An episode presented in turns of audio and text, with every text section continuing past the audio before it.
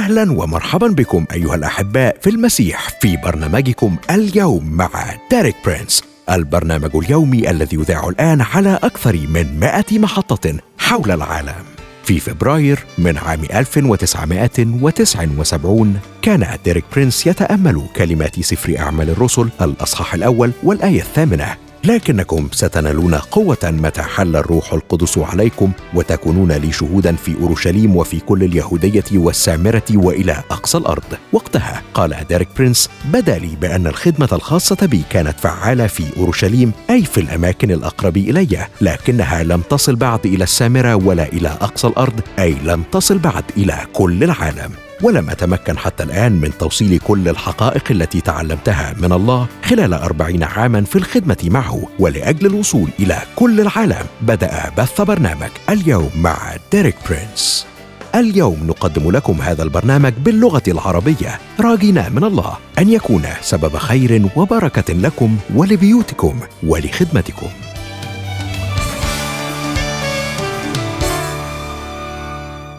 أهلا بيك صديقي المستمع في حلقة جديدة من برنامج اليوم مع ديريك برينس. معاك أشرف ومريم. أهلا بيك يا مريم. أهلا بيك يا أشرف واهلا بيك صديقي المستمع. في الحلقات اللي فاتت من برنامجنا في دراستنا اللي بدأناها الأسبوع ده اتأكد لينا أهمية الحصول على اتجاه داخلي صحيح. الاتجاه الداخلي اللي بنجتاز بيه في موقف معين ليه علاقة كبيرة قوي باللي بنختبره فعليا في الموقف ده. بالظبط زي المتفائل والمتشائم. فاكرة المثل ده يا مريم؟ آه يا أشرف. لما هما الاتنين كانوا في نفس الأوضة وكانت في كوباية على الترابيزة وفيها مية. لكن كل واحد منهم هما الاتنين كان عنده اتجاه داخلي مختلف. المتفائل شاف إن الكوباية نصها مليان لكن المتشائم شاف إن الكوباية نصها فاضي والاتنين صح. لكن اتجاههم هو اللي مختلف. الكتاب المقدس بقى يا أشرف بيدينا أرض صلبة نقف عليها علشان نواجه المستقبل بتفاؤل. ولما نبص لتاريخ الإنسان نقدر نقول إن كل مقاصد الله اللي اتنبأ بيها في الكتاب المقدس اتحققت بالكامل وده بيدينا أرض ثابتة للإيمان بإن النبوات اللي لسه ما اتحققتش هتتحقق هي كمان. يعني الكوباية في طريقها إنها تتملي.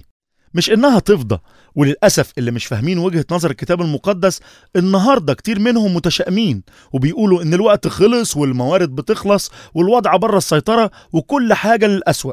لكن خلينا نقول إن الوضع ده متوقف على وجهة نظرنا فقط. في الحلقة اللي فاتت يا أشرف أكدنا إن الشرط الرئيسي الأول في تشكيل اتجاه صح ناحية المستقبل هو إننا ندرك بإننا منتظرين المسيح.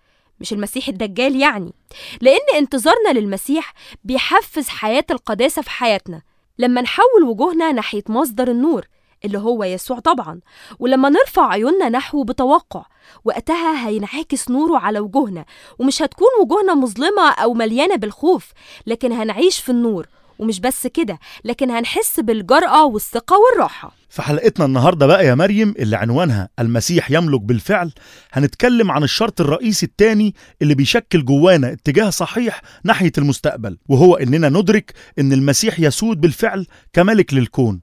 وعلاوة على ده كمان هو هيستمر في الحكم للأبد. ومفيش أي وقت من الأوقات من دلوقتي وإلى الأبد مش هيكون المسيح على العرش ملك على الكون كله. تعال يا مريم دلوقتي نخرج نسمع ترنيمة ونرجع نكمل كلامنا. يلا بينا.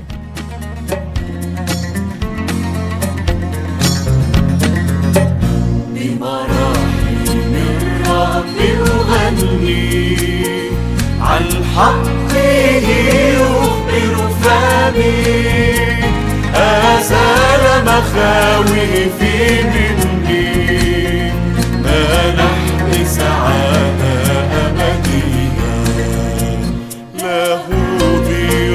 القدرات له يمين العزة اسمه رب النعمات. بل قد أعطاني الحرية بمراحم الرب أغني. عن حقه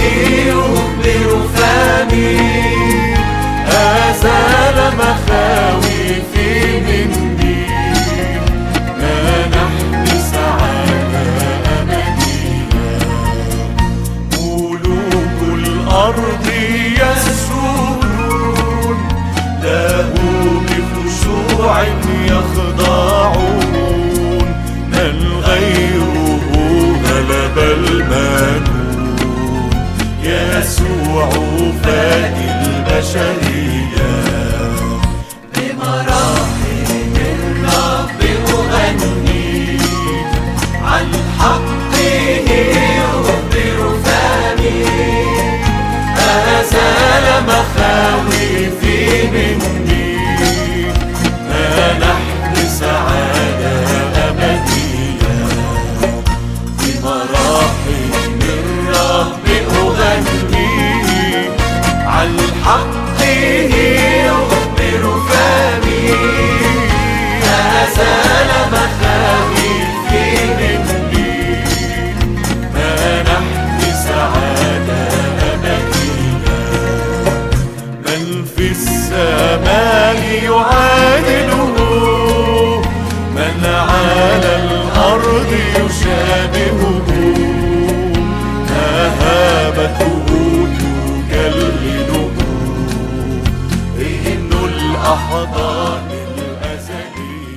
رجعنا مرة تانية صديقي المستمع بعد الترنيمة علشان نبدأ حلقتنا. في البداية يا مريم تعالي نبص على رسالة أفسس أصحاح واحد والأعداد 19 لحد 22 هنلاقي إن بولس بيحاول يفتح عيون المؤمنين على قدرة الله اللي ملهاش حدود والمتاحة لكل المؤمنين بيه. زي ما بيقول عظمة قدرته الفائقة نحونا نحن المؤمنين. وبعد كده بيحدد معيار لقياس قدرة الله وقوته المتاحة لينا كمؤمنين.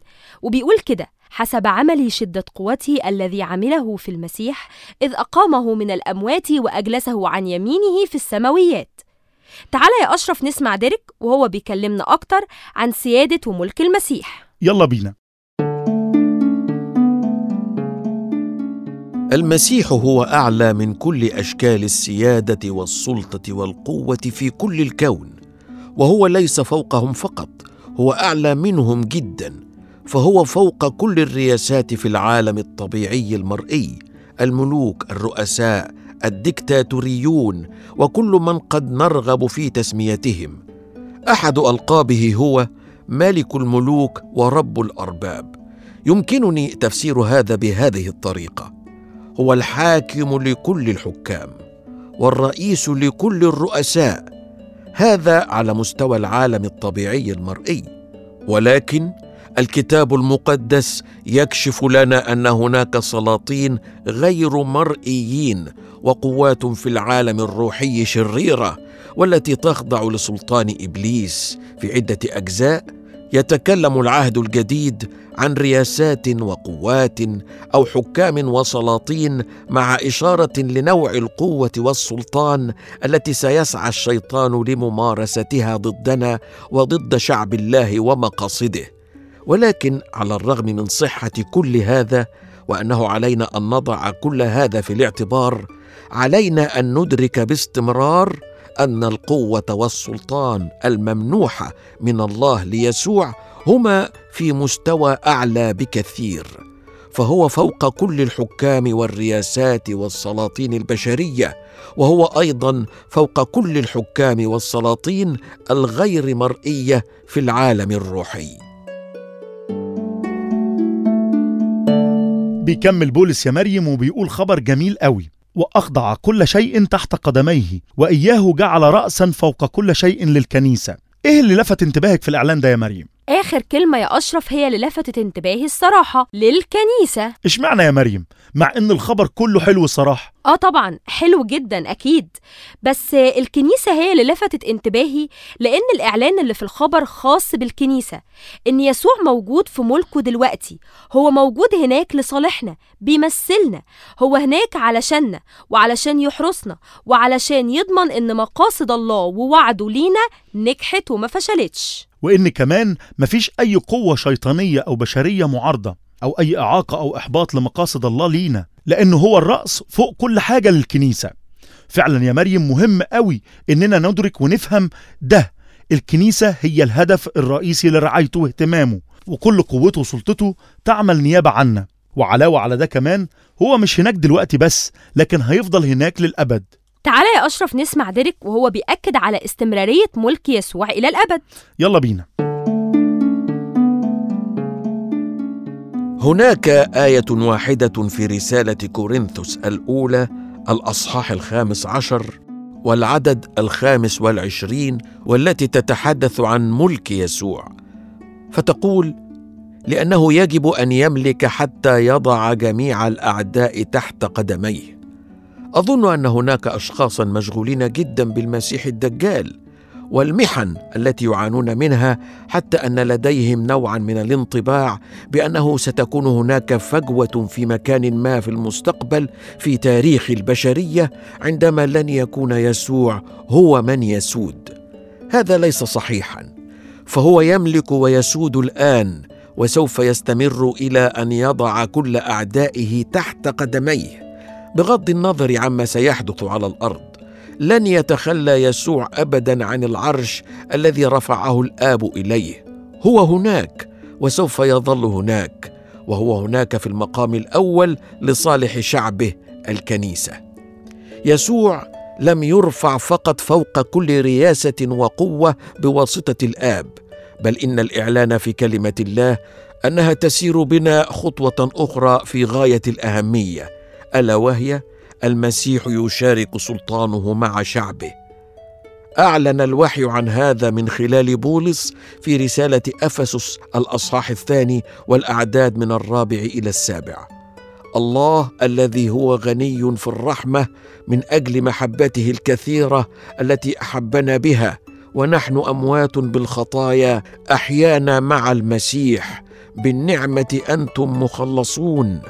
وأقامنا معه وأجلسنا معه في السماويات في المسيح يسوع ليظهر في الدهور الآتية غنى نعمته الفائق باللطف علينا في المسيح يسوع. الشاهد اللي لسه سامعينه دلوقتي من ديريك يا مريم بولس بيوضح فيه ثلاث أهداف وحقائق تاريخية بخصوص علاقتنا مع يسوع المسيح من خلال الإيمان وهويتنا من خلال الإيمان بيه. بما إننا سلمنا حياتنا ليسوع واتحدنا معاه من خلال الإيمان فإحنا بقينا واحد معاه في كل حاجة قام بيها الله ليه من ساعة الصلب وبعد كده كمان. التلات حاجات اللي حددهم بولس قال إن الله عملها للمسيح كمان عملها عشاننا بما إننا في المسيح.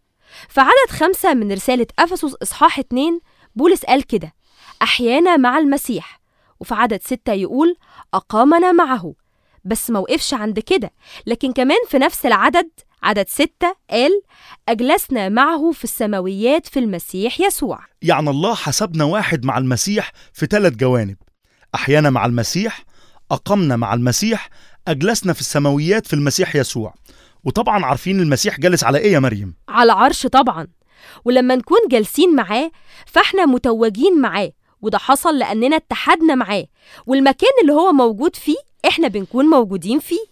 نفس الحق الكتابي عن مشاركتنا للعرش مع المسيح قاله بولس في رسالته الرومية أصحاح خمسة والعدد 17 لأنه إن كان بخطية الواحد قد ملك الموت بالواحد فبالأولى كثيرا الذين ينالون فيض النعمة وعطية البر سيملكون في الحياة بالواحد يسوع المسيح. صديقي المستمع زي ما إحنا شايفين لما بنتحد بيسوع المسيح إحنا بنملك معاه في الحياة. هو بيملك وإحنا بنملك معاه. هو على العرش وإحنا بنشارك معاه العرش.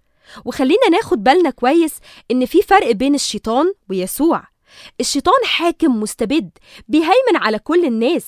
لكن لما وصل يسوع للعرش ما كانش عايز يهيمن علينا لكنه كان عايز يشركنا معاه. في نهاية حلقتنا صديقي المستمع أنا وإنت محتاجين إننا نشوف نفسنا دلوقتي بنتشارك فعلا في العرش مع المسيح. ومحتاجين نمشي ناحية المستقبل ويكون اتجاهنا الداخلي هو إننا على العرش مع يسوع. وندرك إحنا مين. ووحده الكتاب المقدس هو اللي يقدر يورينا الحقيقة دي. صديقي المستمع نتقابل الحلقة اللي جاية من برنامج اليوم مع ديريك برينس. كان معاك أشرف ومريم. مع السلامة. عزيزي المستمع إن كان لحلقة اليوم مع ديريك برينس تأثيرا على حياتك وفهمك لكلمة الله إن أردت أن تكون شريكا معنا في هذه الخدمة وتريد الصلاة لأمر معين أو تريد الاستماع لهذه الحلقة مرة أخرى أو تحميل الكتب أو دراسة الكتاب المقدس تواصل معنا من خلال موقعنا www.dpmarabic.com إلى اللقاء في الحلقة القادمة من برنامجك اليوم مع ديريك برينس.